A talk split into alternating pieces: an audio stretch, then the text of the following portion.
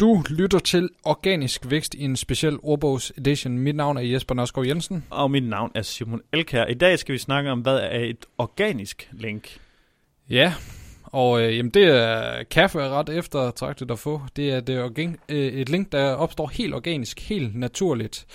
Når vi øh, skriver tekster og bruger internettet og laver indhold, så linker vi jo ret naturligt. Hvis for, ja, for eksempel har en kilde, så øh, har vi ofte den med i, øh, i vores tekster, og når vi har det, så er det et øh, organisk link, modsat øh, mange af de links, man laver, når man øh, linkbuilder, som er, jamen det er placeret link på, på den ene eller anden måde. Ja, så linkbuilding er det modsatte af organiske links. Øhm, og der er faktisk lidt øh, teori lige, altså organiske links må være de bedste links, uanset hvad. For det kommer af sig selv, og kan, derfor må relevansen være ultimativt høj. Øh, fordi den person, der har skrevet det her organiske link, mente, at det her det var det mest relevante at linke til. Ja, øh, og det er selvfølgelig det mest eftertragtede link fra store sider for organiske links.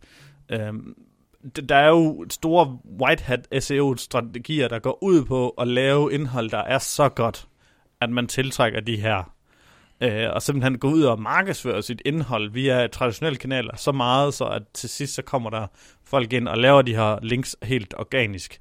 Øh, og at hvis du har budget nok i, og er international scale, så er der faktisk mulighed for, at du kan få flere organiske links, end det er muligt at linkbuild sig til. Men så skal du også have opskriften for, hvordan man laver viralt indhold nærmest. Eller bare mange penge.